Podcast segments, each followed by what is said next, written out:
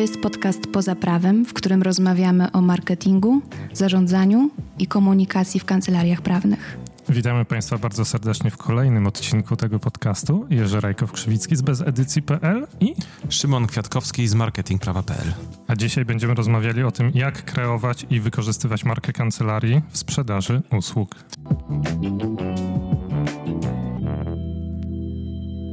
I naszymi gośćmi są y, dzisiejsza lektorka, dzisiejsza osoba, która zapowiedziała nasz podcast, czyli Lidia Adamczyk, y, która w kancelarii Denton spełni rolę Marketing and Business Development Manager. Jak to ładnie brzmi po angielsku.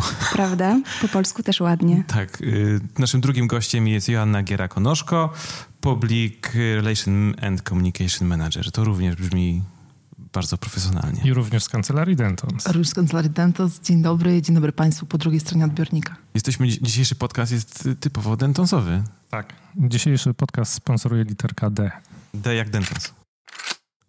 Okej, okay, słuchajcie, nim zaczniemy, powiedzcie proszę, jaki jest wasz najbardziej pozytywny nawyk codzienny? Od kilku miesięcy medytacja. Mega, opowiedz Polecam. o tym.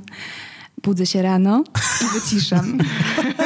Ja, ja, kiedyś próbowałem i strasznie nie chciało się tego robić po jakimś czasie. Co, w sensie... Nie, to, to jest takie bardzo, bardzo pozytywne nastawienie na całą resztę dnia, które pozwala mi się e, od razu uśmiechnąć i okay. Z radością wkroczyć we wszystkie obowiązki. Ale mogłabyś mi powiedzieć, co robisz, żeby mm, jak gdyby konsystentnie, codziennie ci się chciało medytować? Czy z tym nie masz problemu? E, nie mam z tym problemu, bo mm, efekt jest na tyle intensywny i na tyle wciągający, że chce Dobrze. mi się. Okay. No nie, no ja miałem z tym problem. Jak próbowałem medytować tak powyżej 3-4 dni, to nie byłem w stanie. Ja polecam taką aplikację do medytacji. Teraz będzie link sponsorowany, proszę Państwa. Nie, nie będę wymieniać. Nie no, mów, mów. Jak to, tą z czerwoną, tak? Nie, nie, nie.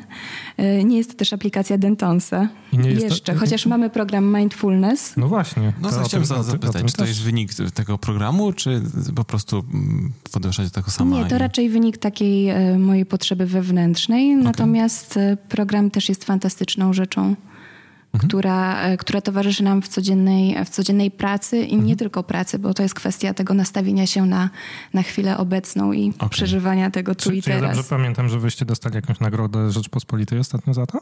Zgadza się. A, dobrze pamiętam. Tak, w tegorocznym tak, tak, rankingu Rzeczpospolitej twórczyni, inicjatorka tego projektu, mecenas Karyna Furga-Dąbrowska otrzymała nagrodę za stworzenie tego programu. Słuchajcie, dzisiaj rozmawiamy o, o marce. Dzisiejszy podcast jest po to, aby porozmawiać o tym, w jaki sposób y, kreować i wykorzystywać markę w sprzedaży usług, więc dlatego mamy z jednej strony Joannę, która jest PR-owcem i Lidię, która jest y, marketingowcem i odpowiada też za nowych klientów, jak rozumiem, czy jako ofertowanie nowych klientów. Zgadza się. Więc ja mam taką jakąś swoją przemyślenie, że yy, i ciekaw jestem, co wy o tym myślicie, że marki prawnicze w Polsce są, czy w ogóle marki prawnicze są bardzo słabe mam myśli, wartość tych marek jest słaba, bo jeśli wymyślimy sobie, pójdziemy sobie y, na, y, na ulicę, tutaj na dół, zejdziemy do jakiegokolwiek sklepu, czy spotkamy kogokolwiek biznesowego, czyli może nie biznesowego, ale szarego człowieka, no to na pytanie, słuchaj, jakiego ty znasz prawnika, no to on by, ten ktoś mógł powiedzieć o, może o znanych osobach z pierwszych stron gazet, ale gdy no, miałby bo powie, wiesz, o Stefanie, który u niego gdzieś tam na osiedlu tak, ma kancelarię. Tak, tak, tak, tak. Słuchajcie, jak to jest z tymi markami? Jaką według was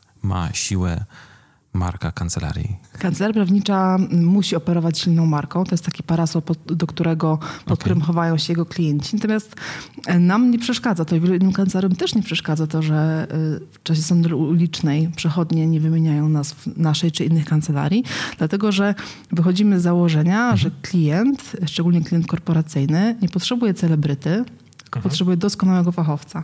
Okej. Okay. Czyli w sumie chodzi o to, żeby odpowiednie osoby wiedziały, znały markę, a nie żeby wszyscy i żeby człowiek spotkany w sklepie spożywczym na dole to wiedział, tak? No tak, dlatego że, y, że nie wszyscy ludzie, z którymi spotykamy się na co dzień na ulicy, w tramwaju, w metrze, mhm. w sklepie spożywczym, y, to są, czy będą nasi klienci. Natomiast y, osoby, z którymi pracujemy na co dzień, nie mają trudności ani z wymienieniem czołowych kancelarii w Polsce, ani z opowiedzeniem o tym, jaka historia, czy jaka opowieść kryje się za każdą z tych marek. Okay. Ja trochę odwrócę to, co powiedziałeś, bo dużo ważniejsze teraz jest nie to, żeby klient identyfikował prawników, ale żeby to prawnicy potrafili zidentyfikować e, swoich klientów, bo ten punkt ciężkości okay. m, troszeczkę się przeniósł. Z, nie tyle ważna jest e, identyfikacja marki, tylko dotarcie do właściwych osób właśnie przez prawników. A czy to nie prowadzi do tego, że wiesz, że przestaje być ważna y, marka kancelarii, a zaczyna być bardzo ważna marka indywidualna każdego prawnika, skoro wiesz, skoro z jednej strony mówisz o tym, że y, do, ważne jest dotarcie do, do klienta, a nie odwrotnie, to czy nie jest silniejsza, czy nie jest ważniejsza marka w postaci nazwiska y, prawnika? nie rozróżniałabym tego na zasadzie Aha. ważniejsza lub y, nie. Ważna jest y, Twoja wiedza jako prawnika, to co Ty reprezentujesz sobą, swoją, swoją własną osobistą marką, jak również to, w jakiej firmie pracujesz, okay. Y, w jakiej kancelarii pracujesz. Jeśli wrócimy do tego, co powiedziałeś na początku i przeprowadzimy taką sondę, to mimo wszystko pozwolę się z tobą nie zgodzić, bo nie wiem, czy... Spokojnie, nie wiem, możesz czy... nie zgadzać. O to chodzi w tym podcaście. Lubimy, jak się ludzie z nami nie zgadzają. Dobrze, więc nie zgadzam się. Jeśli przeprowadzimy taką sondę, nie wydaje mi się, żeby okay. ktokolwiek był w stanie nawet wymienić nazwiska y, prawników z pierwszych stron gazet. Mhm. Raczej temat mm, danej wypowiedzi, której, okay. która, która mhm. właśnie znalazła się na pierwszych stronach gazet i mhm. na pewno skojarzą nazwiska osób, z którymi pracowali. Mhm. bo no to jest w dużej mierze cały czas relacja oparta na, na zaufaniu. I tak jak powiedziała e, Joanna, myślę, że są pewne e, marki kancelarii, które też gdzieś tam zapala się ta zielona e, mhm. czy fioletowa lampka i wiemy, jaka Product nazwa kancelarii może paść. na każdym kroku. No dobrze, nie, jest fajnie. Lidia jest doskonałym marketingowcem, ale, ale chciałam jeszcze dodać, że bardzo często to nie, klient, nie, nie prawnicy, nie ich twarze mówią o, o sile kancelarii, ale projekty, które realizują, dlatego że o. mamy taki, mam, miewamy takie miłe momenty, kiedy kiedy spoglądamy przez okno i patrzymy na warszawskie centrum e, i widzimy wieżowce, które je otaczają, które je porastają. I to są często projekty, przy których pracowaliśmy i to one mówią najgłośniej. To też jest ciekawe, że e, to nie są projekty jednorazowe, tylko e, wieloletnie. Te transakcje są skomplikowane. No a pomniki, których po nich zostają, czyli nieruchomości, mówią dużo więcej o pracy naszych prawników niż nawet najpiękniej wykadrowane zdjęcie w gazecie. Ale ja bym jednak chciał powrócić do tego, co tutaj trochę Szymon zahaczył i, i opowiedzieć taką historię związaną ze mną i z moim fryzjerem. Mm. A, dawaj. Mianowicie kiedyś chodziłem Fryzjer sobie... prawnik? Nie, zupełnie nie, ale u tego fryzjera się strzyża wielu prawników warszawskich, może to będzie link. Ale y, do czego zmierzam? Właśnie do tej marki, czyli ja sobie chodziłem do tego fryzjera i byłem bardzo zadowolony. I on pracował w jakimś tam zakładzie fryzjerskim X. I później on stwierdził w pewnym momencie, ten mój fryzjer, że on się wymiksuje z tego zakładu i pójdzie gdzie indziej. I ja poszedłem za nim. W sensie dla mnie marka tego zakładu fryzjerskiego nie miała kompletnie żadnego znaczenia, bo mnie interesował człowiek, który mnie strzygł. A konkretnie to, że mogłem do niego przyjść i powiedzieć: Panie Michale, tak jak ostatnio poproszę. I to wystarczyło. I podejrzewam, że może ja strasznie tutaj upraszczam, ale że, że, w przypadku prawników jest podobnie, tak? To znaczy oni się muszą orientować w biznesie klienta, oni muszą mieć tą relację osobistą nawiązaną. I jak w takich warunkach, gdzie jest tak bliska relacja osobista pomiędzy prawnikiem a klientem, budować faktycznie markę kancelarii i, i trzymać tę markę jak gdyby wypełnioną jakimiś wartościami, jakąś historią. Przede wszystkim ludzie, którzy pracują w kancelarii, oni ją tworzą i tworzą markę tej kancelarii, więc nie możemy też mówić w zupełnym oderwaniu o prawnikach, nie mówiąc o, o samej kancelarii. Mhm. I oczywiście zgodzę się z tym, co powiedziałeś, że w dużej mierze y, klient idzie za, mm, za prawnikiem, ale to też zależy od obszaru y, prawa, o którym mówimy.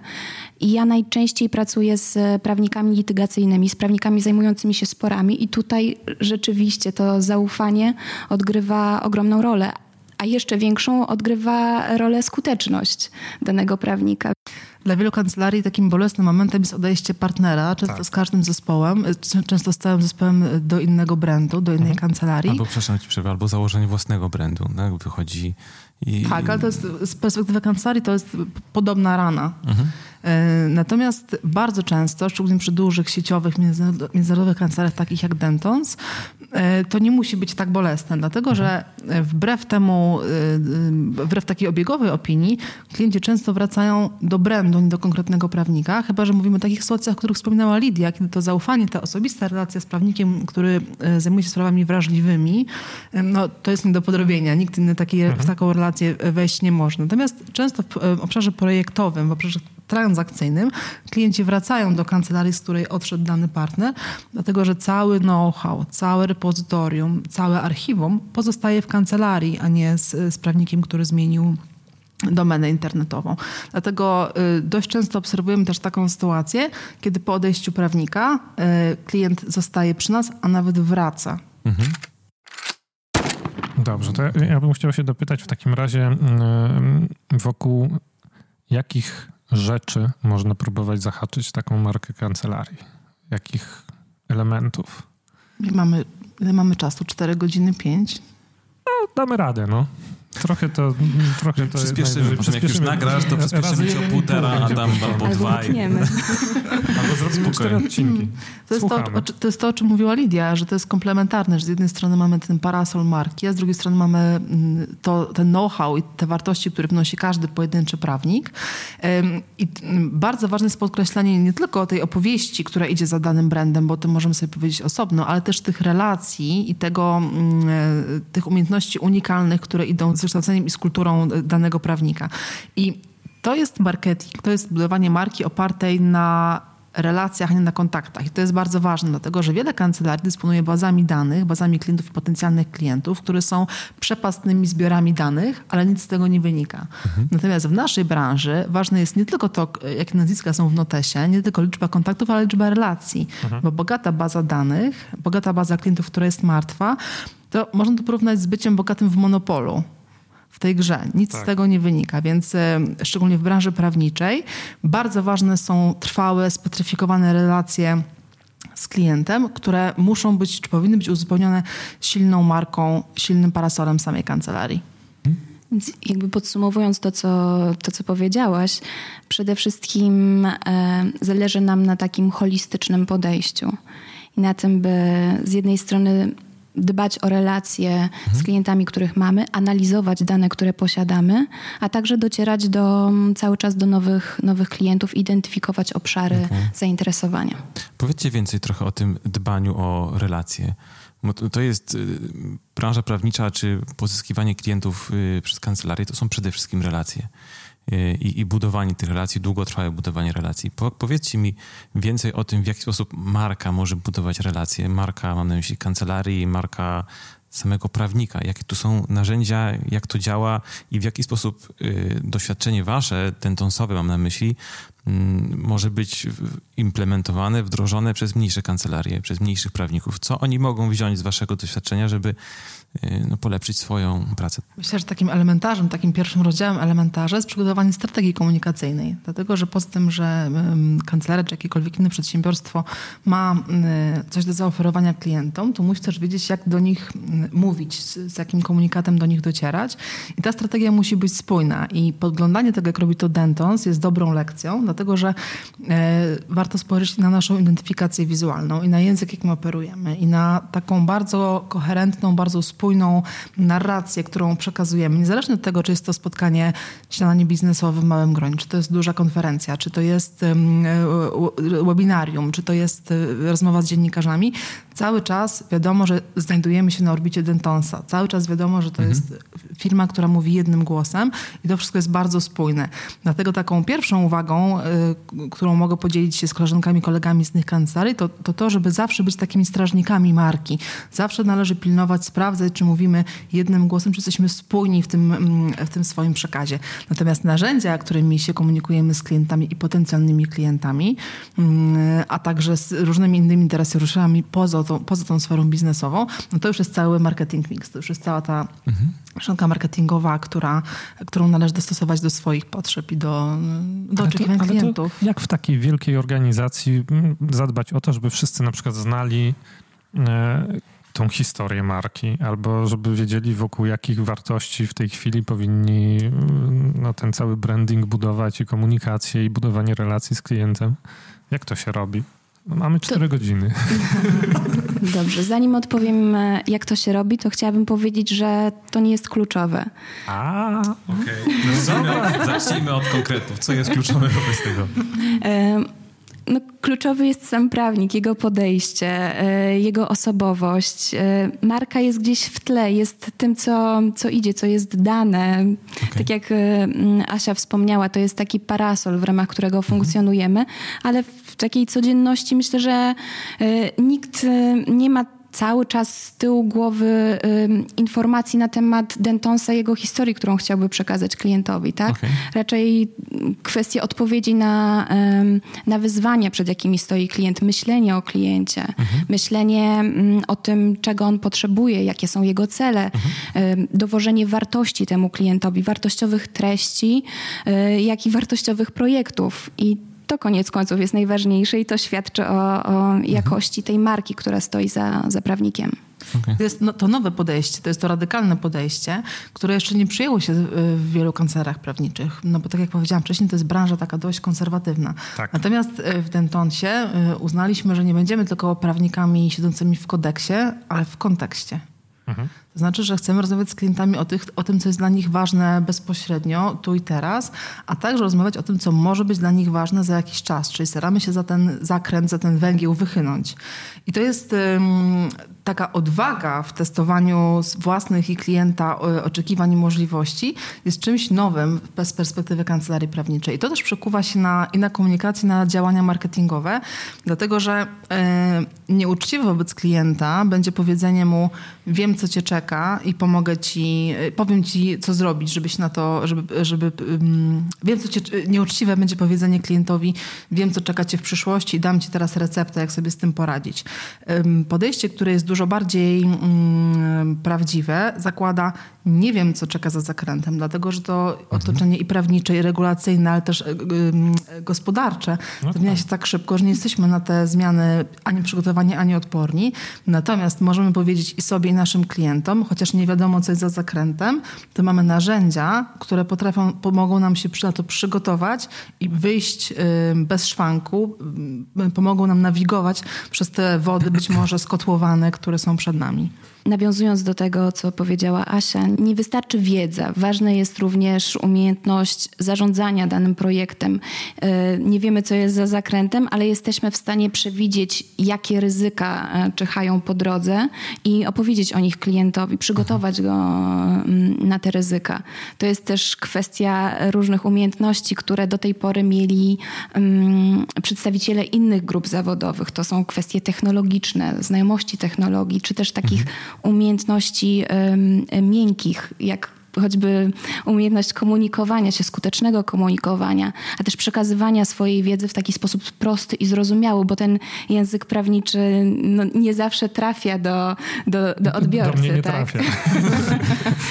Ale też proszę spojrzeć na zmianę tego paradygmatu, bo jeszcze w ubiegłym wieku, czyli całkiem niedawno, ta relacja była taka bardzo subordynacyjna. To tak. znaczy troszkę niżej mieliśmy klienta, który pukał do drzwi prawnika z prośbą o e, udzielenie mu porady prawnej. Teraz to się zmieniło. Teraz te relacje są dużo bardziej koordynacyjne, dużo mhm. bardziej symetryczne.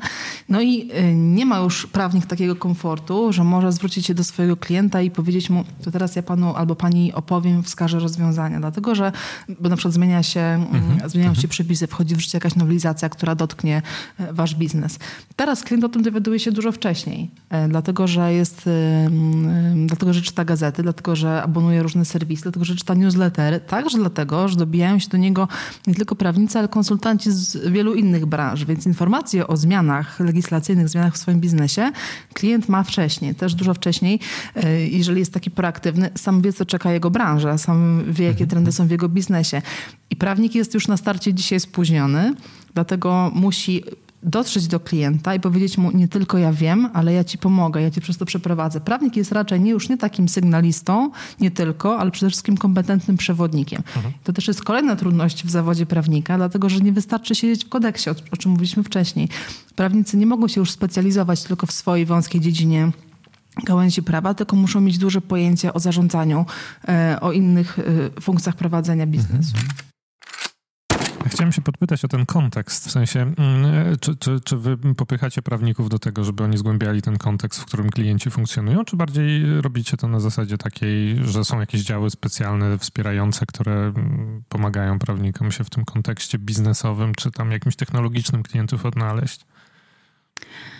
W zasadzie y, działamy na tych dwóch ścieżkach. Z jednej strony my jako marketerzy, sprzedawcy, osoby zarządzające projektami na co dzień współpracujemy bardzo blisko z prawnikami mhm. i cały czas rozmawiamy na temat potrzeb klienta i tego, w jakiej, mm, w jakiej sytuacji gospodarczej, regulacyjnej działamy. A z drugiej strony mamy też zespoły, które wspierają ten proces, które monitorują to, co się dzieje i dzielą się tymi swoimi spostrzeżeniami i wynikami swojej pracy. Okej. Okay. To jest właśnie siła dużych międzynarodowych kancelarii, które dysponują wieloma, mm, wieloma zespołami, wieloma działami, które nie działają na zasadzie silosów, ale współpracują ze sobą. Czyli mówiąc już tak bardzo obrazowo, mamy klienta, który inwestuje w nieruchomości i wtedy prawnik z działu nieruchomości mówi, moja praca na tym etapie jest skończona, ale otwiera się ścieżka dla działu energetycznego, który tutaj doradzi wam na przykład w, w obszarze efektywności energetycznej. No i klient nie musi zmieniać kancelarii, nie musi podpisywać nowej umowy, briefować prawnika, tylko tak naprawdę e, cały czas zostaje przy tej samej rodzinie, cały czas zostaje pod tym samym parasolem. To jest dla klienta duże ułatwienie. Ja bym chciał zapytać o ten, y, o jeszcze o, o content, bo ty pytałeś o kontekst, a ja zapytam się o content, bo mhm. mówiłaś wcześniej, że, mm, że prawnik jest trochę, trochę spóźniony, mhm. że przepływ informacji jest tak szybki, że klient przychodzi, czy już ma o wiele więcej wiedzy na temat swojego biznesu, swoich problemów niż miał te naście lat temu i że na, obecnie, y, klient, y, obecnie prawnik, kancelaria są spóźnieni w informowaniu klientów, w e, alertowaniu, jak chyba powiedziałaś. I zastanawiam się, czy to jest tak, że wasz marketing, wasz, wasz y, budowanie waszej marki polega też na tym, żeby wyprzedzić wszystkie inne, wiecie, być takim wydawcą newsów, wydawcą alertów po to, żeby wyprzedzić innych w komunikowaniu ryzyk, komunikowaniu problemów biznesowych swoim klientom. Czy to jest już, jest już tak, że wasz marketing, jesteście, jesteście po prostu wydawcą treści, wydawcą kontentu? Chciałabym, nie. żeby tak było czasami.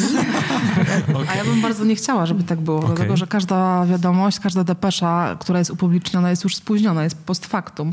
Okay. Dlatego, że nie chcemy być przekaźnikiem informacji, e, tylko chcemy być, e, no, wiecie, no jest różnica między mm, raportowaniem, czyli opowiadaniem o tym, co się wydarzyło, a między tworzeniem tych wydarzeń, mhm. więc e, rola prawnika jest zupełnie gdzie indziej. Jest w tworzeniu. Jest w tworzeniu, a nie tylko w opowiadaniu o tym. Mamy teraz, wiecie, mieliśmy tak sławetne RODO, teraz mamy zmianę mhm. KPC, na która wejdzie mhm. niedługo. I wiesz, widzimy, widzicie, co się dzieje, możecie patrzeć sobie na to, jakie są, jakie są projekty, jakie projekty trafiają do Sejmu, do komisji, do Senatu i, i tak dalej, i tak dalej. Czy to jest właśnie, macie, mamy taki case tego, tego KPC, czy to jest właśnie moment, kiedy wy możecie opowiadać o, o, o tym klientom, szczególnie litygacyjnym, tak? Co mhm. się zadzieje tam, nie wiem, jak prezydent podpisze, to jak się zmienią wasze procesy, czy jak się zmieni wasza procedura. Czy to jest właśnie to, czy to jest to, czego ty chciałabyś uniknąć? Ta nowelizacja y, nie spada na nas jak grom z jasnego no, nieba. No, My o tym wiemy od dawna i nasi klienci też o tym wiedzą od dawna. Już od dawna o tym z nimi rozmawiamy. Okay. Niekoniecznie na łamach pracy, chociaż też pojawiają się takie upublicznione y, analizy przygotowane przez naszych prawników. Natomiast y, jesteśmy do tego przygotowani i naszych klientów też do tego przygotowujemy. Mhm, mhm. I to jest właśnie kluczowe. My nie informujemy, i to jest to, co czasami chciałabym robić, o czym wspomniałam. Również mieć tę przewagę taką informacyjną. Natomiast przede wszystkim e, przeprowadzamy klientów przez zmianę. Zwracamy im uwagę na to, co jest dla nich najistotniejsze z punktu widzenia ich biznesu. I tutaj znowu mamy obok treści ten kontekst, bo um, u danego klienta, klienta z danej branży będzie wyglądać to zupełnie inaczej niż u kogoś z zupełnie innej branży, tak? Mhm, mhm. więc, więc cały czas dopasowujemy się do, do naszego odbiorcy. Okay. Mamy wspaniałą konkurencję, mamy też wspaniałą tradycję prawniczą w Polsce. Mamy całe gremia prawnicze, które są biegłe w posługiwaniu się kodeksami i przeprowadzają klientów przez różne zmiany, ale opierają się na takim świecie dość statycznym. Natomiast my korzystając nie tylko ze skali, ale też z talentów, no bo kancelaria e, jest zbudowana na talentach. My nie mamy nieruchomości, my nie mamy y, ziemi rolnej, my mhm. mamy, mamy intelektualne zasoby, które budują siłę wiedzę, takiej kancelarii. Tak. I mm, to jest największe bogactwo firm prawniczych. No i e, staramy się naszym klientom nie tylko tłumaczyć e, to, co zapisane jest w prawie, albo to, co będzie zapisane w prawie, ale też pokazywać im zupełnie nowe, mm, e, nowe możliwości. I nie chcę być gołosłowna, tylko opowiem wam o praktyce, która zajmuje się partnerstwem publiczno-prywatnym. Mhm. Bardzo wielu klientów, bardzo wielu inwestorów i z tej sfery publicznej, mam tu przed na myśli samorządy przez wiele lat podchodziło trochę jak pies dojeżdża do takich inwestycji. Tak. No i brakowało kompetentnego przewodnika, który pomoże połączyć potrzeby mieszkańców, e, okay, potrzeby okay. samorządów z tym, co oferuje biznes. No i tutaj otwiera się pole do tej pory niezagospodarowane, na które wszedł Dentons, z naszą praktyką PPP. I to, są, to jest bardzo dobry przykład tego, jak my nie tylko doskonalimy się w dobrze już rozpoznanych obszarach, ale znajdujemy nowe i mówimy klientom, napędzamy gospodarkę mówiąc, tu jeszcze jest coś fajnego do zrobienia. E, kilka dni temu ogłosiliśmy, że uruchamiamy y, praktykę e, zrównoważonych inwestycji. Inne kancelarie tego nie robią. To nie była domena świata prawniczego. My staramy się nie tylko słyszeć naszych klientów, ale ich słuchać mhm. i odpowiadać, pomagać im być takim motorem rozwoju biznesu w zupełnie nowych obszarach. Czyli pomysły na, pomysł na tą praktykę, zahaczmy to na chwilę, wyszedł mm. przede wszystkim od, z tego, że słuchaliście, słuchaliście klientów i do, zobaczyliście, że y, są tam takie miejsca, które, y, które pozwolą, czy są tam takie potrzeby, czy takie problemy klientów, które pozwolą na odpalenie, uruchomienie y, nowej specjalizacji. Tak, a to wszystko wzięło się z tego, że nasi klienci słuchają swoich klientów, a także swoich okay. interesariuszy, dlatego że prawnicy nie działają w próżni społecznej. Nie chodzi tylko o to, żeby zamknąć transakcję i zrobić biznes. Działamy w pewnym otoczeniu i też widzimy się jako element tego, tych, tych wszystkich interesariuszy. Nie patrzymy na kancelarię tylko jako na biznes, który generuje przychody, no ale właśnie widzimy się w takim kontekście e, szerszym, w kontekście społecznym. I to samo robią e, nasi klienci, którzy też wychodzą poza taki, poza taki tradycyjny paradygmat biznesu. Okej. Okay. No tutaj jeszcze Lidia wcześniej wspomniała o takiej jednej rzeczy, która jest dla mnie bardzo ważna, a mianowicie o komunikacji. Tak. I, i chciałbym trochę podpytać, czy jest jakaś y, y, y, tak zwany service, service level agreement w Dentonsie, który mówi, że prawnik po dwóch dniach odpowie na maila? A, to dobry, dobry. No. Myślę, że dwa dni to zdecydowanie byłoby za długo, więc... Powtórzmy to głośno. Im szybciej, tym lepiej podkreślamy wartość czasu w ciągu całej naszej rozmowy i ten czas reagowania jest szczególnie, szczególnie istotny. O czym byśmy nie umówili, czy to jest kwestia odpowiedzi na mail, czy, czy złożenia oferty, e, czy też informowania o tym, o, o nadchodzących zmianach, czy w jaki sposób klient ma się na te zmiany, zmiany przygotować czas jest kluczowy na, na, każdym, na każdym etapie. Czyli jest SLA? Jest wpisany w umowę? Nie. nie? no ja dobra. nic nie powiem. Ja bym chciał jeszcze wrócić do tego, co mówiła Joanna na temat, na temat tych rad dla mniejszych kancelarii, jakie mogą wziąć obserwując Dentonsa. I zaczęłyście mówić o tym, że podstawą jest yy, zbudowanie strategii komunikacyjnej, mm. tak, dobrze, dobrze pamiętam. Y, y, ja, ja, rozumiem, że Dentons ma zupełnie inne możliwości niż kilkunastoosobowa kancelaria i budżetowe, i kompetencyjne, zapewne zupełnie, zupełnie inne.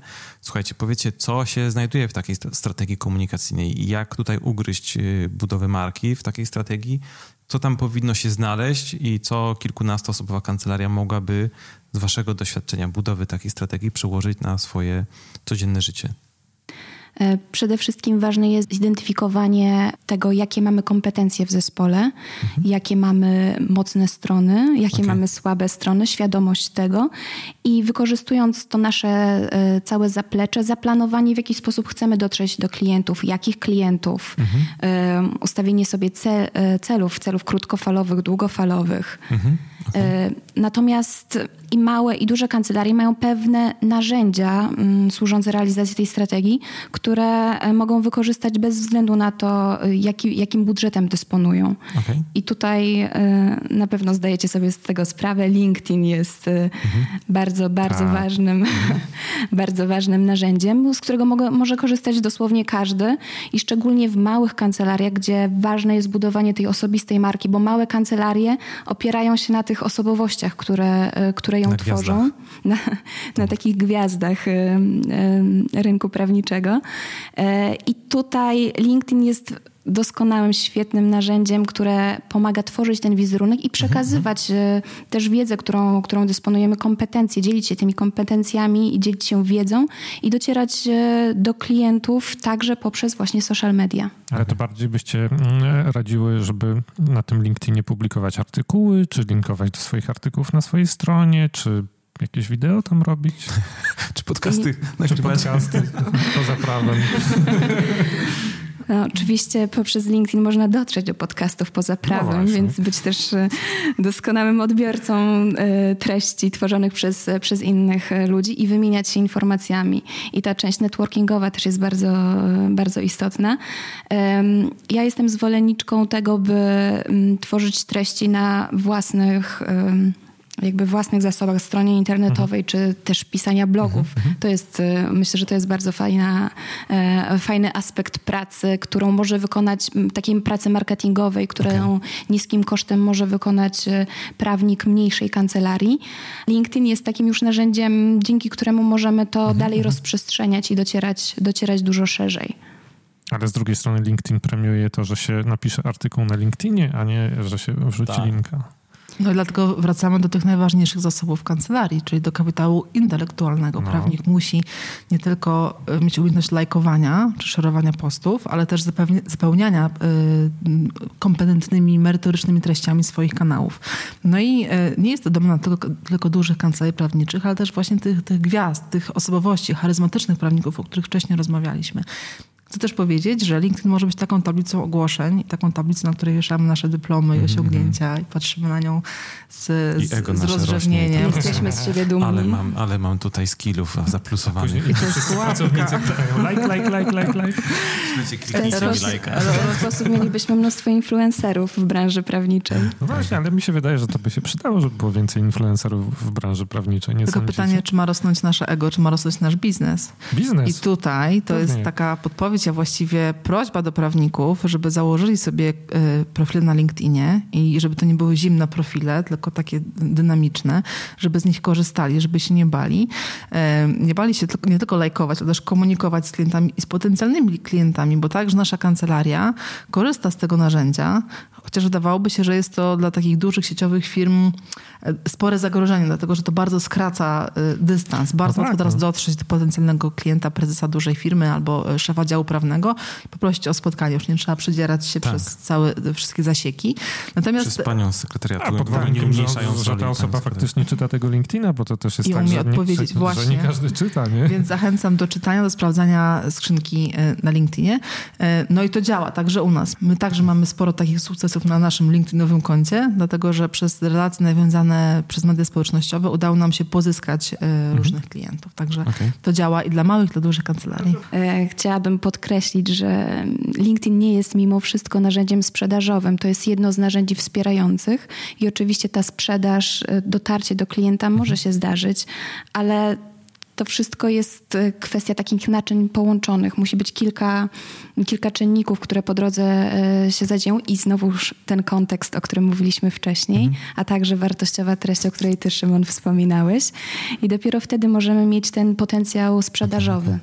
Słuchaj. Też zwróćcie uwagę, że mówimy przede wszystkim o tym, jak złowić klienta, jak go złapać, a nie o tym, jak go, e, jak zbudować z nim trwałą relację, jak no go właśnie. utrzymać, a także jak się z nim pożegnać.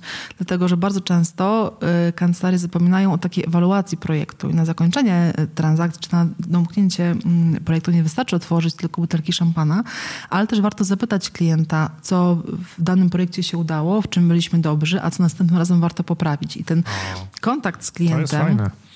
To jest to jest, bardzo niedoceniany taki exit interview, to jest niedoceniana część budowania relacji z klientem, dlatego że dobrze potraktowany klient, e, dobrze pożegnany, e, prawdopodobnie wróci. Oczywiście najważniejsza jest ta usługa, ta obsługa, ta usługa no tak. merytoryczna, ale też cała ta otoczka, cała kultura korporacyjna też jest bardzo ważna. I tutaj wracamy do, do, do zatoczyliśmy koło, bo wracamy do tego pierwszego punktu naszej rozmowy, czy do spójności w komunikacji. Jeżeli Aha. E, próbujemy pisać na naszej stronie internetowej, że jesteśmy wszechstronni i mm, oferujemy oferujemy najwyższy poziom usług, to to jest pustosłowie, nic za tym nie idzie. Natomiast no tak. doświadczenie klienta, który jest dobrze przeprowadzony przez transakcję i też zaopiekowany od początku do końca, mówi dużo więcej niż puste slogany na stronie internetowej. A jeszcze więcej mówi o nas y, klient, który do nas wraca. Mhm. I z jednej strony mamy mm, taką ocenę satysfakcji klienta po zakończonym projekcie, ale jest jeszcze coś więcej. Idziemy jeszcze krok dalej. Sprawdzamy, czy dany klient poleciłby nas komuś znajomemu, bo to jest, to jest dla mnie taka najwyższa wartość mhm. dobrze wykonanej pracy. To, czy jesteśmy skłonni wrócić i czy jesteśmy skłonni e, polecić daną firmę, danego prawnika innej osobie. Ale to robi osoba, która jest w kontakcie z klientem, ten taki właściciel relacji, czy jakoś tam wysyłacie ankietę? Mamy cały mechanizm, mamy cały know-how, który okay. no temu służy i o szczegółach nie będziemy mówić, ale... Są rzeczy, są rzeczy, których nie możemy zdradzać. Ja bym chciał wrócić w takim razie do tego LinkedIna i jeszcze się ten trochę pogrzebać w tym temacie i spróbować was jakoś pociągnąć za języki, a mianowicie jeżeli... Wyobraźmy sobie, że jestem partnerem takiej 16-osobowej kancelarii malutkiej, specjalistycznej i już jesteśmy na tym etapie, że już wiemy, że musimy tego LinkedIna prowadzić, że tych tam czterech, pięciu prawników kluczowych, którzy know-how mają i mogą się nim dzielić, prowadzą swoje profile na LinkedInie, ale zaczyna im to trochę wchodzić w paradę czasowo, z, no jak gdyby to jest w konflikcie z tym czasem, który mo mogliby poświęcić na, na, na, udzielanie porad klientom i jakieś ogarnianie po prostu funkcjonowania firmy. Czy w takim układzie byście sugerowały, żeby, żeby oni jednak sami prowadzili dalej te profile, czy może jednak, żeby zatrudnić kogoś, kto by to zaczął za nich robić? Absolutnie nie zatrudniać e, kogoś, kto będzie to za nich robić. To jest bardzo, bardzo indywidualna kwestia. Przez którą pokazujemy też e, siebie. No, nikt tego nie zrobi za ciebie lepiej niż ty sam. Nie możemy dopuścić też do takiej sytuacji, że ten czas, który poświęcamy na naszą aktywność marketingowo-sprzedażową, e, zajmuje czas, który powinniśmy poświęcić bezpośrednio klientowi czy, czy pracy na danym, danym projekcie transakcji. LinkedIn e, jest takim narzędziem, którego możemy, z którego możemy korzystać choćby popijając kawę Czyli co, żeby sobie napisać w kalendarzu trzy dni w tygodniu po 15 minut, żeby tam zajrzeć, to wystarczy w sumie? Ja myślę, że to jest, y, można wprowadzić taką... Y, taką rutynę dnia codziennego, o, to znaczy poranną. Zaczyn, poranną rutynę, tak, poranny, poranny nawyk sprawdzania, sprawdzania LinkedIna choćby w drodze potem, do pracy. Potem LinkedIn. No właśnie, medytacja w domu, a później ja w tramwaju. Nie, proszę Państwa, to jest mój strategia. przepis na poranek. Najpierw strategia. Medytacja, trochę podcastu poza prawem i może być tak, LinkedIn. Nie, medytacja, strategia, a potem LinkedIn. Ja myślę, że bardzo ważne, żeby medytacja była kluczowym elementem strategii, ale warto tutaj się uczyć od najlepszych i warto przerzucić taki most z kancelarii prawniczej do świata polityki. O. Proszę na przykład spojrzeć na markę, którą zbudował poprzedni mm, prezydent Stanów Zjednoczonych Barack Obama. Mhm. Marka sama w sobie... Myślałam, że powiesz o Trumpie. Nie, po prostu To jest bardzo ciekawa marka.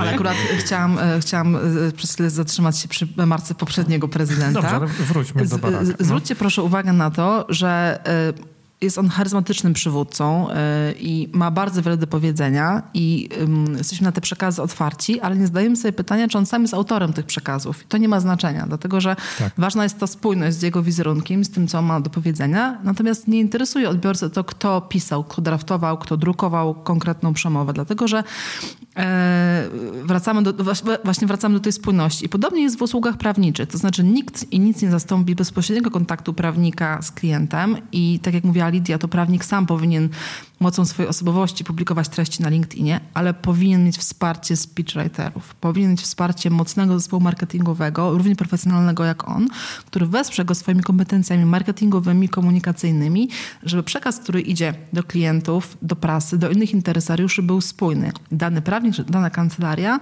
ma nie tylko kompetencje, ale też umie o nich opowiadać, bo dzisiaj kompetencje ma bardzo wielu prawników i mnóstwo kancelarii ale tak. nie każda ma e, e, opowieść, nie każda ma narrację, nie każda umie grać w storytelling. Dlatego ważne jest, żeby prawnicy, którzy traktują serio ten biznes, traktowali też serio profesjonalistów, którzy pomogą o nich e, opowiedzieć.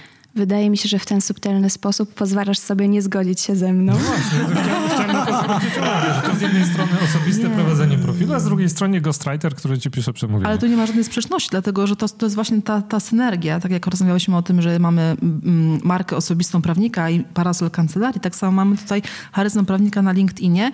Jednocześnie cały sztab profesjonalistów, który wspiera go w innych obszarach komunikacji. To wszystko jest ze sobą spójne, to jest bardzo ważne. Natomiast w przypadku mniejszych kancelarii dalej starajmy się poradzić sobie własnymi, własnymi siłami. Słuchajcie, to może to jest tak, że to właśnie granica przebiega gdzieś tam w wielkości kancelarii, tak, że jeżeli to jest 16-osobowa kancelaria, no to niech sobie każdy tam prowadzi swój profil i zasadniczo niech wszyscy będą ja poinformowani, myślę, to... co by chcieli po prostu przekazać światu, nie? A jak to jest 850 osób albo 3000, no to już jest inna rozmowa jak, jak jest, już, jest już więcej, no to trzeba trzymać y, tą łapę na tym, w jaki sposób te, te treści są publikowane, jakiego rodzaju to są treści i jak one wyglądają.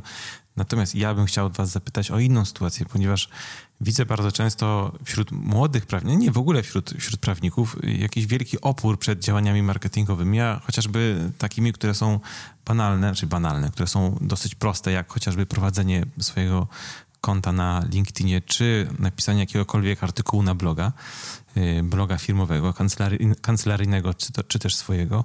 I zastanawiam się, w jaki sposób wy motywujecie y, zespół do tego, żeby był aktywny marketingowo, PR-owo, w jaki sposób y, wasza marka wspiera prawników w tym, żeby byli aktywni.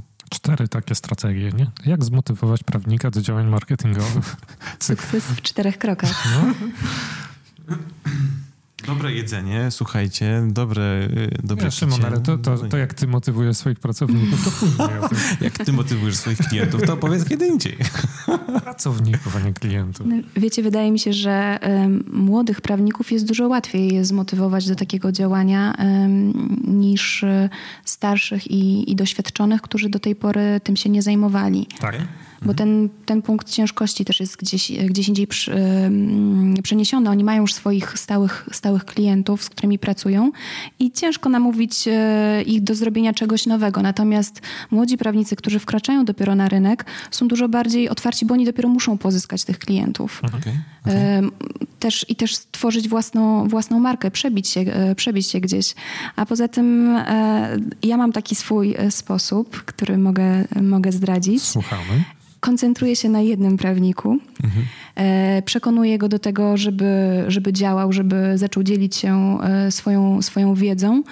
I e, kiedy inni jego koledzy i koleżanki widzą takie pierwsze sukcesy i, i publikacje, mhm. to gdzieś tam, wiecie, odzywa się to ego, które mówi, ja też chcę. No. Okej, okay, okay, no właśnie, czyli taki... To jest dobra strategia. Takie, taka, taka gwiazda, psychologia. No. Social media, gwiazda social mediów wewnątrz kancelarii, która jest, jest dobrym przykładem. Okay. Tak, i motywuje, dostałeś motywuje 54 lajki na YouTubie, czy tam na LinkedInie. Ja też chcę. Też chcę lajki. No to ej, napisz artykuł, no. Dobra strategia. Tak, tak, tak. Przeszliśmy przez strategię komunikacji. E, co jeszcze, co jeszcze e, z, z, z waszego doświadczenia może wziąć e, mniejsza kancelaria? Na co jeszcze powinna zwrócić uwagę, tworząc swoją markę?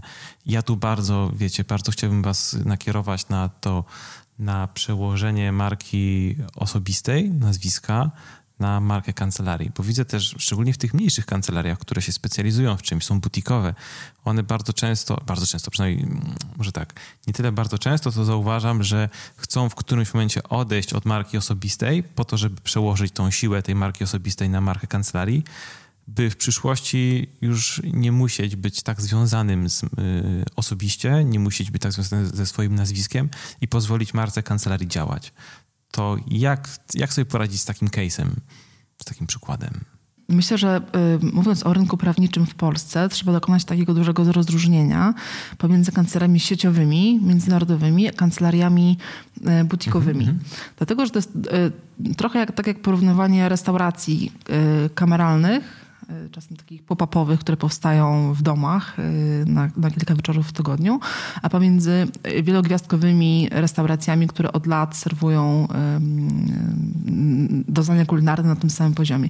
I nie ma do tego jednej miary. Tak samo nie ma jednej recepty, która pomoże kancelariom małym i sieciowym sprawnie komunikować się z, ze swoimi interesariuszami. Bo pamiętajmy, że nie mówimy tylko o klientach, mówimy nie, też nie, o całym otoczeniu. Tak, ja pamiętam. Dzięki, ja nie pamiętam. Ja to, ja to sobie zapisałam pisałam, to, to pamiętam, patrzę i, i, pamiętam.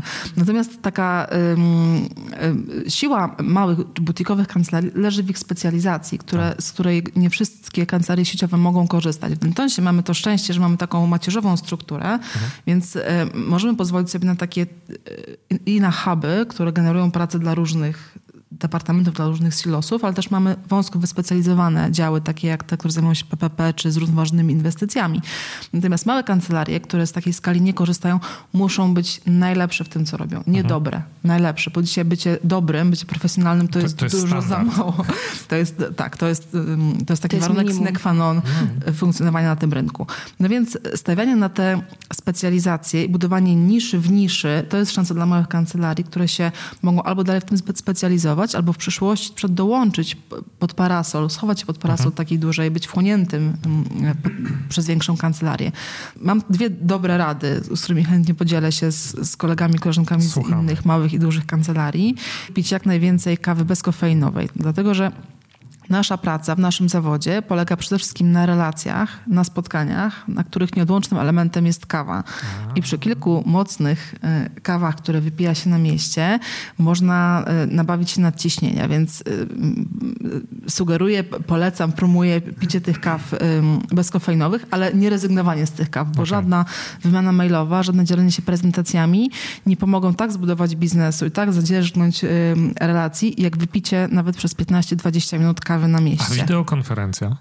Wideokonferencja to jest bardzo dobry początek, ale dalej będę obstawała przy Później tym tradycyjnym. Kawa musi być, kawa okay. musi być albo przed, albo po. To spotkanie yy, bezpośrednie jest dużo ważniejsze. A po drugie, yy, w każdej komunikacji ważna jest otwartość i transparentność. To brzmi jak slogan, ale nawet jeżeli przyznajemy się do jakiejś porażki czy do trudnego momentu, nic nie działa tak jak e, powiedzenie, jak przyznanie się do, do tego, jak sytuacja wygląda naprawdę, jak może nie tyle opuszczenie gardy, co bycie zupełnie przejrzystym i transparentnym. I to jest tak naprawdę element też komunikacji w każdej branży, ale mm, wielu kolegów i koleżanek ma taką pokusę, żeby nie mówić zbyt dużo, bo tak, jeszcze ktoś złapie za słówko, jeszcze tak, tak.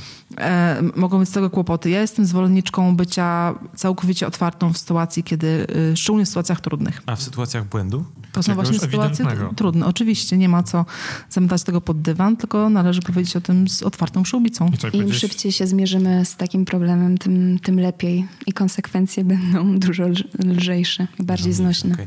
To powiedzcie, hmm? jak, y, jak wy w ramach swojej doświadczenia radzicie sobie z błędami, które popełniacie, czy nie mam na myśli waszego działu marketingowego, ale raczej bardziej działu merytorycznego, prawników.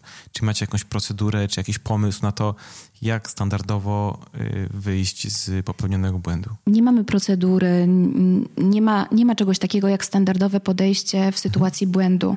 Jest reakcja na to, co się dzieje i musi być ona adekwatna i, i szybka. I znowu, znowu wracamy do tej kwestii do, do czasu. tak.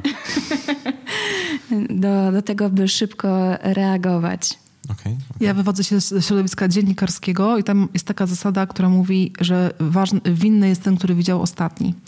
E, to znaczy autor tekstu ponosi odpowiedzialność za swój tekst, ale tak naprawdę jeszcze tym drugim okiem jest redaktor, który dany okay, tekst zatwierdził, -huh. puścił do druku. I ta zasada, oczywiście zmodyfikowana, bardzo dobrze działa też w kancelariach prawniczych. To znaczy musi być to drugie oko, uh mhm. musi być to albo przełożony, albo starszy prawnik, albo e, ktoś nawet z, e, od, z, innego działu, który nie pracował nad daną sprawą, który sprawdzi każde zdanie, które wyjdzie z kancelarii, ma trafić do klienta. To jest bardzo ważne. To jest też to ściganie się z czasem, o którym mówiła Lidia, bo prawnicy działają pod coraz większą większą presją. Natomiast bardzo ważne jest to, żeby tych błędów, żeby nie gasić pożarów, tylko do nich nie dopuszczać, żeby mhm. tych błędów uniknąć. Więc czasem klienci nas poganiają, pospieszają, ale w ich najlepiej pojętym interesie jest, żeby dostali opinię prawną albo memorandum, albo odpowiedź na swoje palące kwestie biznesowe, nie tylko szybko, ale przede wszystkim bezbłędnie. I tutaj też e, na ratunek przychodzi nam technologia, która umożliwia nam dużo szybsze zapoznanie się z materiałami. Chciałem się jeszcze spytać, czy, czy odnośnie tego właśnie mm, już reagowania na błędy, czy to nie jest tak, że jeżeli się na przykład zauważy, że coś poszło nie tak w ty, tych świadczonych usługach, to że jeżeli się przyjdzie do klienta i się właśnie transparentnie powie, dobrze, no to tutaj zrobiliśmy źle, ale teraz mamy pomysł na to, jak to naprawić i zasadniczo można z tej sytuacji wybrnąć na takie i takie sposoby, to w sumie to już nie jest błąd wtedy, tylko... Nie, błąd jest błędem, no, ale który tak można naprawić. z innej strony, nie? Wtedy się od razu przychodzi z jakimś rozwiązaniem jednak tego, co się samemu zepsuło. I... Praca prawnika czasem wygląda z perspektywy mediów jak taki bardzo spektakularny proces doradzania i potem otwierania tych butelek szampana. To jest mhm. bardzo często praca e, w znoju, bardzo często praca pod presją czasu i e, nie polega tylko na świętowaniu sukcesów, ale też na przedzieraniu się przez kolejne zasieki i pokonywaniu trudności, takich bardzo bardzo praktycznych. Natomiast o tym prawnicy nie lubią mówić, o tym w branży y, nie słychać, dlatego że, że to nie jest medialne, to nie mhm. jest coś, czym branża lubi się chwalić. To ja, ja mam jeszcze jedno pytanie odnośnie właśnie tych tak zwanych fuck-upów. Y, czy, czy, czy jeżeli winny jest ten, który ostatni widział, mhm. to czy to znaczy, że za każdym razem z tą transparentną informacją do klienta wraca ten partner, który tam jest gdzieś tam na samej górze relacji z tym klientem? E, feedback od klienta jest ciągły. To nie może być tak, że dowiadujemy się po fakcie, czy mhm. dopiero po zamknięciu projektu, co szło nie tak, albo co. Dlatego, że e, kurs, każdy dobry nawigator kurs koryguje na bieżąco. Mhm. Niezależnie od tego, jaką ma wytyczoną mapę drogową, czy mapę morską, no to nawiguje na bieżąco. Tak samo jest w pracy prawnika.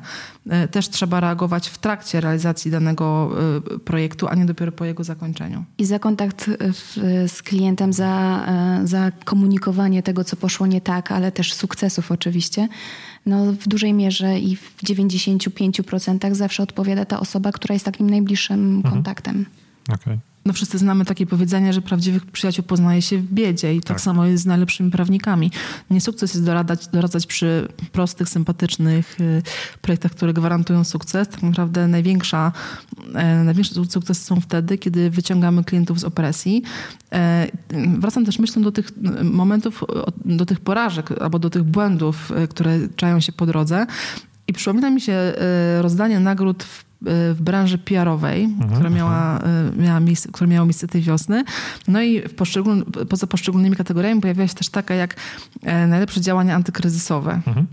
Okay. E, no i uważam, że to jest kategoria spalona, dlatego że największe sukcesy w tej branży przy reagowaniu w sytuacjach kryzysowych to takie, o których nie wiemy. Czyli takie, że nie było sytuacji kryzysowej? Nie, takie, o których się nie dowiedzieliśmy A, z mediów. Okay. Dlatego, że nagradzane są projekty, gdzie udało się zgasić jakiś kryzys, gdzie udało się zarządzić sytuacją potencjalnie kryzysową dla biznesu y, klienta. No ale y, to nie są największe sukcesy, dlatego, dlatego że największy to taki, o którym opinia publiczna mm -hmm, do dzisiaj mm -hmm. nie wie. Podobnie jest w, w pracy mm -hmm. prawnika.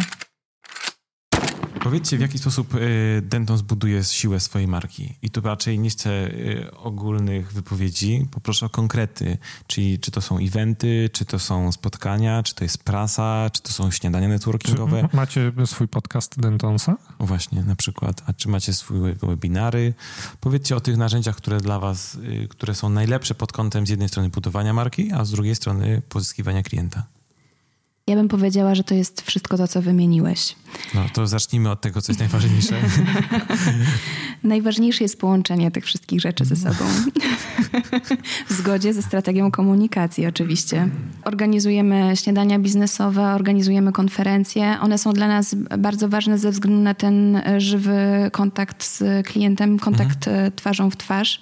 E, wysyłamy mailingi, tworzymy treści, zamieszczamy w social mediach informacje, artykuły. Pojawiamy się na konferencjach organizowanych przez inne organizacje. Robimy webinary, podcastów jeszcze nie, Wideo, ale podkreślam jeszcze. Nie? to jeszcze wszystko przed nami. Natomiast e, kluczowe, cały czas to podkreślam, kluczowe jest e, dobranie narzędzi do tego, by, by dotrzeć do, do tej grupy odbiorców, która nas interesuje. I to też wszystko zależy od tego, na jakim jesteśmy, na jakim jesteśmy etapie, kiedy wchodzi um, jakaś zmiana w prawie, mhm. E, kiedy wiemy, że czeka nas nowelizacja, informujemy, informujemy za pomocą newsletterów, mailingów naszą grupę odbiorców. E, naszą stałą grupę, a potem schodzimy tak e, coraz bardziej po, po, poziom niżej do tej coraz bliższej relacji, aż docieramy do tego naszego um, końcowego odbiorcy, tego, tej osoby, mhm. która się staje dla nas klientem, więc to jest taka trochę reakcja, reakcja okay. łańcuchowa. Chcę też powiedzieć o takim paradoksie, bo z jednej strony prawnicy Także w naszej kancelarii pracują bardzo dużo i spędzają wiele czasu nad tym, żeby zgłębić temat i dostarczyć klientowi najlepszą, wszechstronną poradę prawną, ale bardzo często naszych prawników nie ma przy biurkach. Mhm. I to też jest klucz do sukcesu, dlatego że y, oni nie tylko y, piszą, ale też rozmawiają ze swoimi klientami, bo nie, nie sztuka jest y, zajrzeć do kodeksu i sformatować kolejną y, opinię prawną opartą na takim samym wzorze. Tak naprawdę dobry prawnik to taki, który jest ze swoim klientem e, właśnie nie w, kodek, nie w kodeksie, tylko w kontekście. To jest prawnik, mhm. który go nie tylko przyjmuje, ale go słucha, który ma z nim e, relację wykraczającą poza, taki, poza wymianę maili. To jest bardzo ważne, że dobry prawnik ma do dyspozycji wiele narzędzi, o których mówiła Lidia, czyli konferencje, e, webinaria, bycie w, panelu i tak dalej, bo trzeba spotykać się z klientami. Nie wystarczy siedzieć zamkniętym w klatce w wieżowcu drzwi na 30 którymś piętrze i stamtąd rozsyłać maile opatrzone elegancką stopką. Trzeba z tymi klientami rozmawiać, trzeba pić kawę, trzeba z nimi spacerować nad Wisłą. Cieszymy się, bo niedługo przeprowadzamy się do nowej siedziby właśnie elektrowni do elektrowni Powiśle nad Wisłą. Tam mamy bulwary, które będą naszymi kolejnymi salami konferencyjnymi, dlatego że... Będziecie zabierać na spacery klientów? Oczywiście. Jak Steve Jobs, wiesz, Oczywiście, bo no, luksus bycia na świeżym powietrzu, luksus y, przechadzki, spaceru, wymiany myśli, to jest też kolejne narzędzie, y, z którego prawnicy i inni profesjonaliści powinni korzystać. My chcemy z naszymi klientami, nie, y, nie chcemy im tylko doradzać, chcemy z nimi rozmawiać. Kiedyś y, słyszałam takie powiedzenie, że dobry partner w kancelarii to taki, którego nigdy nie ma w biurze. Myślę, że to doskonale podsumowuje to, co Asia właśnie powiedziała. Ja chciałem się dopytać, jak padło to, że właśnie, że prawników nie ma za biurkiem, to już chciałem się spytać, czy ze względu na ten mindfulness, bo siedzą na przykład w parku.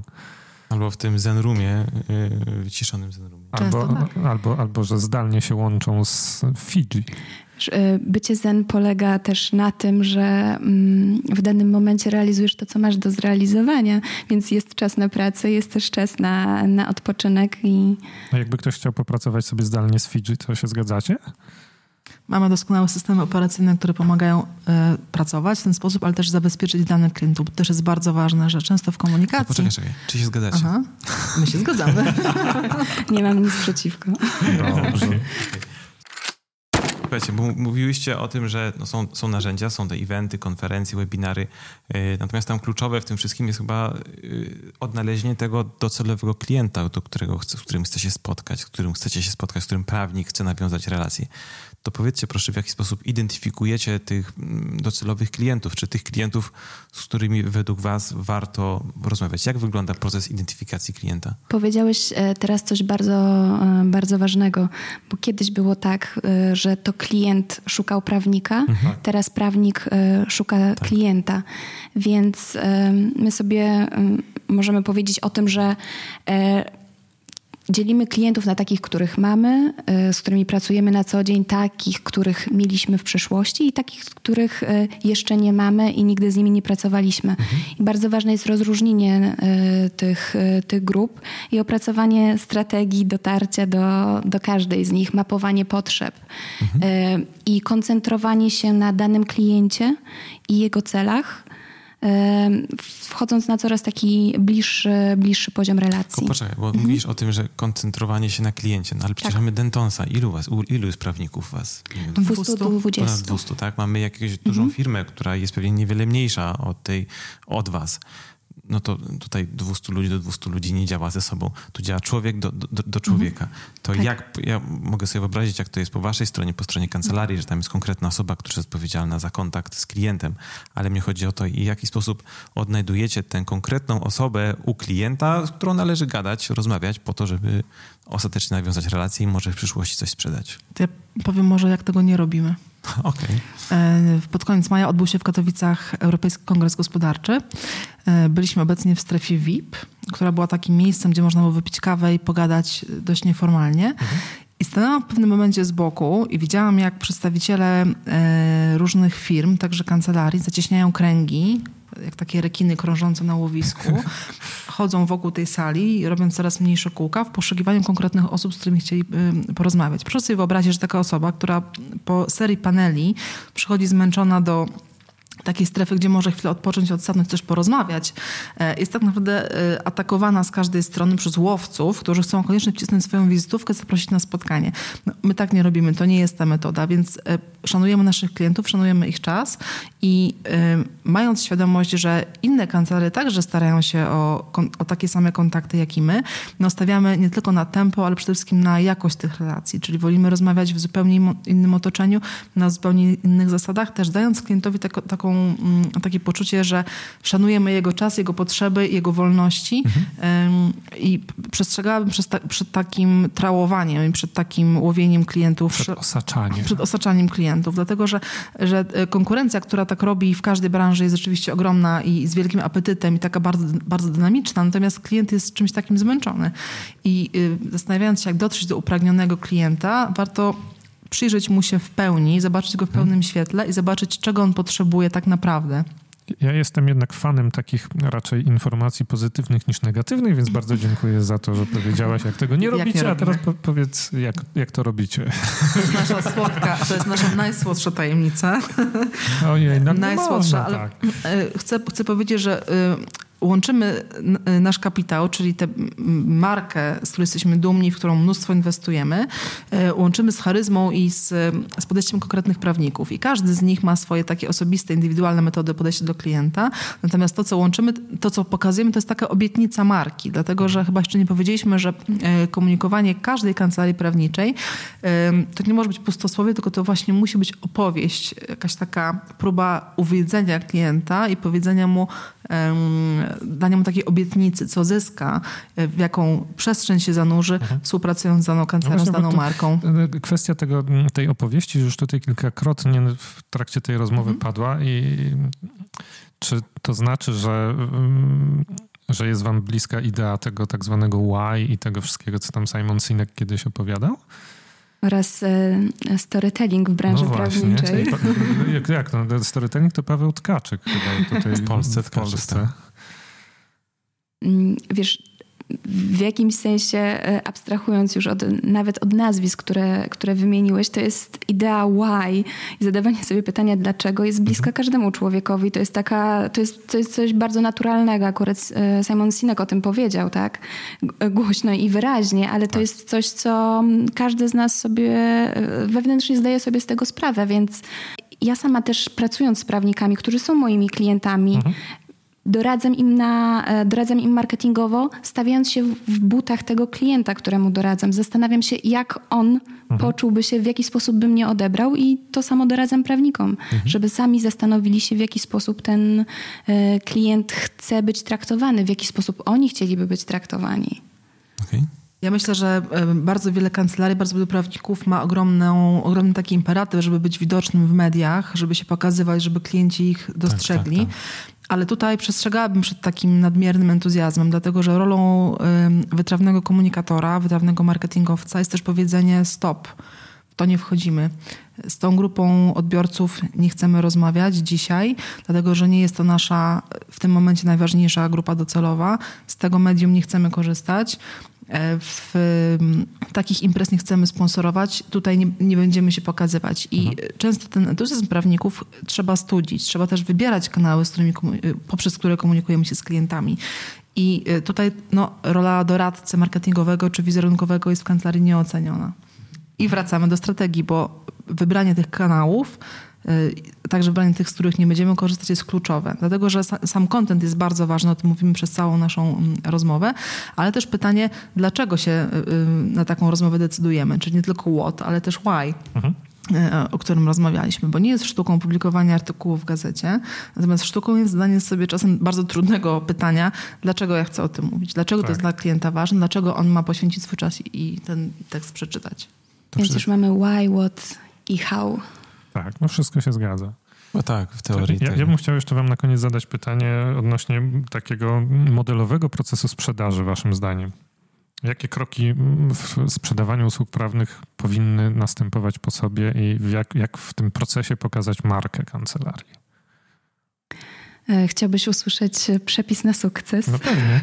Receptę. W czterech krokach najlepiej. Taki weekend y, nauka sprzedaży usług prawnych w weekend. O tak, takie były kiedyś książki. Tak? Coś tam, nauka windsurfingu, pamiętam, była w domu w weekend. Cztery kroki do sukcesu sprzedaży usług prawnych.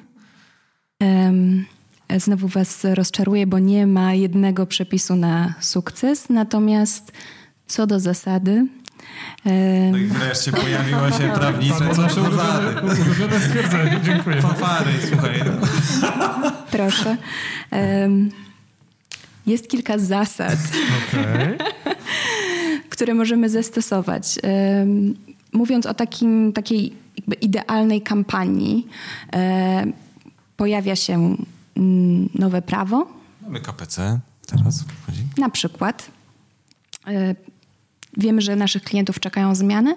W pierwszej kolejności informujemy, mhm. dzielimy się wiedzą, docieramy do szerokiej, szerokiej grupy odbiorców. Staramy się dotrzeć oczywiście do grupy klientów, która y, nas interesuje pod kątem tej y, zmiany, która jest wprowadzana. Następnie jest etap zainteresowania naszego, naszego odbiorcy przesiewamy, przesiewamy tych klientów, którzy, którzy mogą być, te osoby, które mogą być naszymi, e, naszymi klientami, a później docieramy coraz, e, coraz bliżej, spotykamy się z tymi ludźmi, znowu wracamy do, do mhm. relacji, znowu możemy mówić o tym, że czas jest bardzo ważny e, i szybkie reagowanie i przeprowadzanie klienta przez tę zmianę, aż wreszcie koncentrujemy się na tej, na tej, na tej wybranej firmie, wybranym kliencie i, i realizujemy projekt. Okej, okay. to zobacz, mieliśmy, mamy, ja się trzymam tego KPC, bo on jest taki mm. bardzo teraz y, na, na czasie, czasie, tak? Jesteśmy w jakimś tam etapie y, tworzenia tego, y, tej ustawy i zastanawiam się w związku z tym, że ten proces nie, nie, nie wyskoczył y, teraz, tylko trwa, nie wiem, dłuższy czas, nie wiem mm -hmm. dokładnie ile, no ale pewnie to będzie pewnie więcej niż rok, jeżeli, jeżeli nie, nie, nie, więcej, to powiedzcie proszę, jak to się działo u was? Mam na myśli, dowiedzieliście się, że wychodzi, że jest nowy projekt ustawy, nowy projekt KPC. Wobec tego, no wobec tego co? Uderzamy najpierw do naszych klientów, tak? I informujemy ich o tej zmianie. Czy informujecie ich?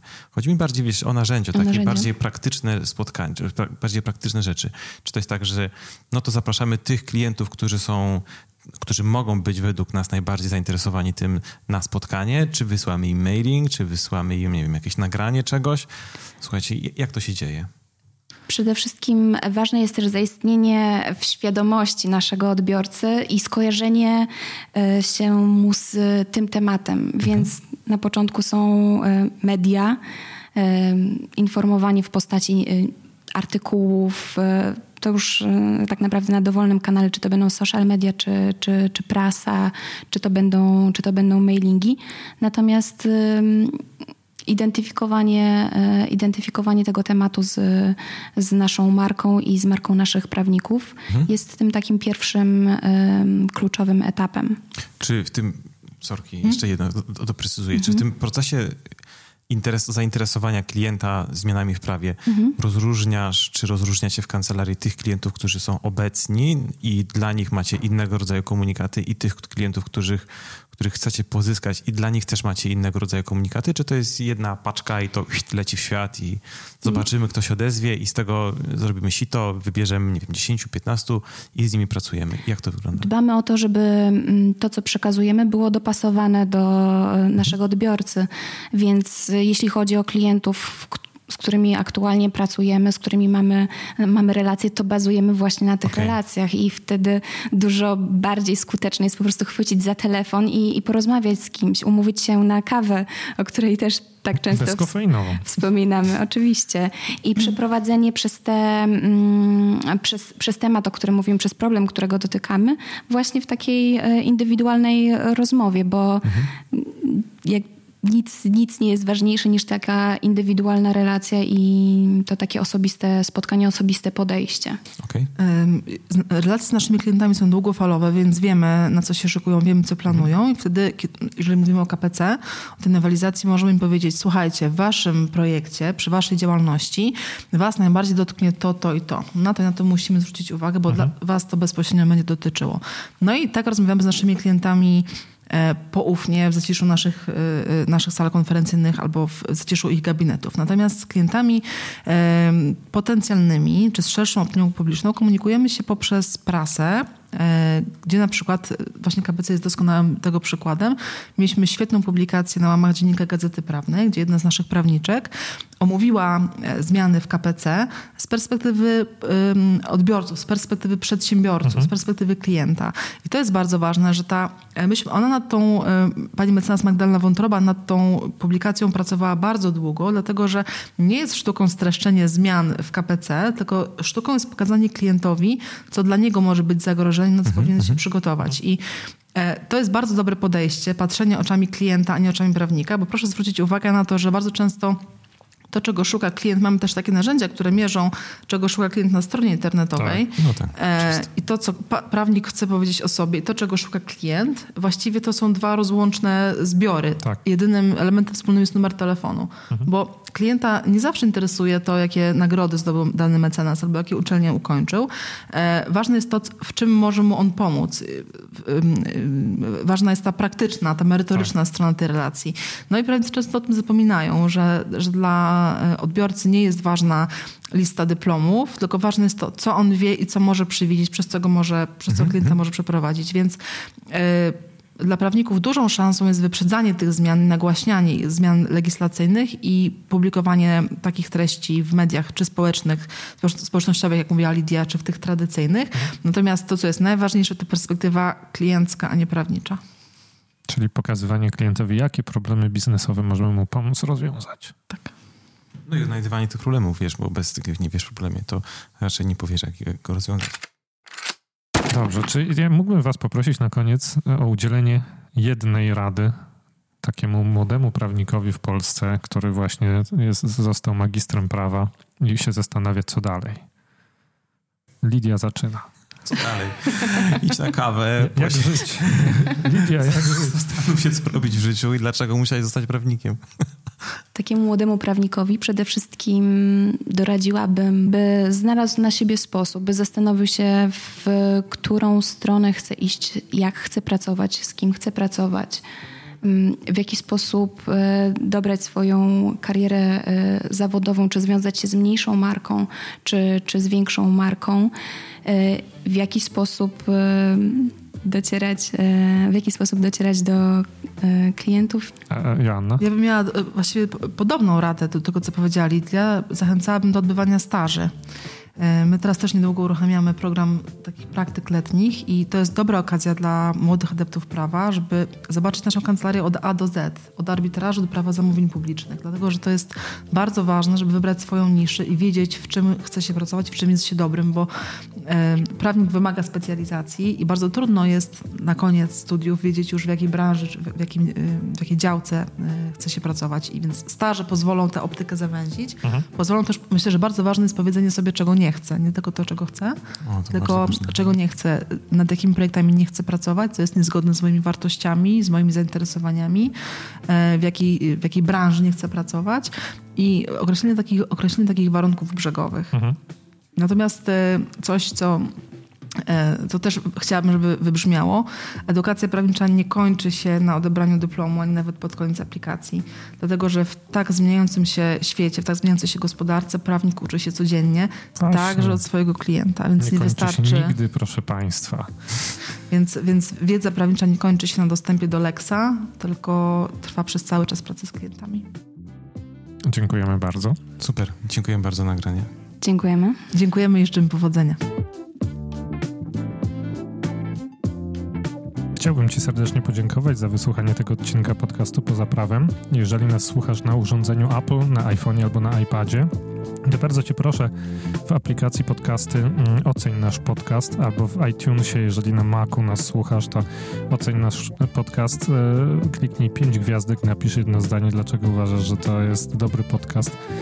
I, e, no i najlepiej podziel się wiedzą o tym, że ten podcast istnieje z kimś, kogo lubisz i kto Twoim zdaniem mógłby skorzystać na tych treściach, które w podcaście poza prawem poruszamy. Jeżeli nie słuchasz nas na sprzęcie Apple, to też możesz zostawić recenzję naszego podcastu w aplikacji na przykład Google Podcasts Oraz bardzo, bardzo gorąco zachęcamy do tego, żebyś również komuś, kogo lubisz, polecił nasz podcast. Jednej osobie wystarczy. Dzięki temu nasz podcast y, będzie słuchany przez coraz większą ilość ludzi i dzięki temu coraz szersze kręgi będzie zataczała wiedza, która w tym podcaście na pewno sobie gdzieś tam drzemie. Dzięki bardzo i wszystkiego dobrego.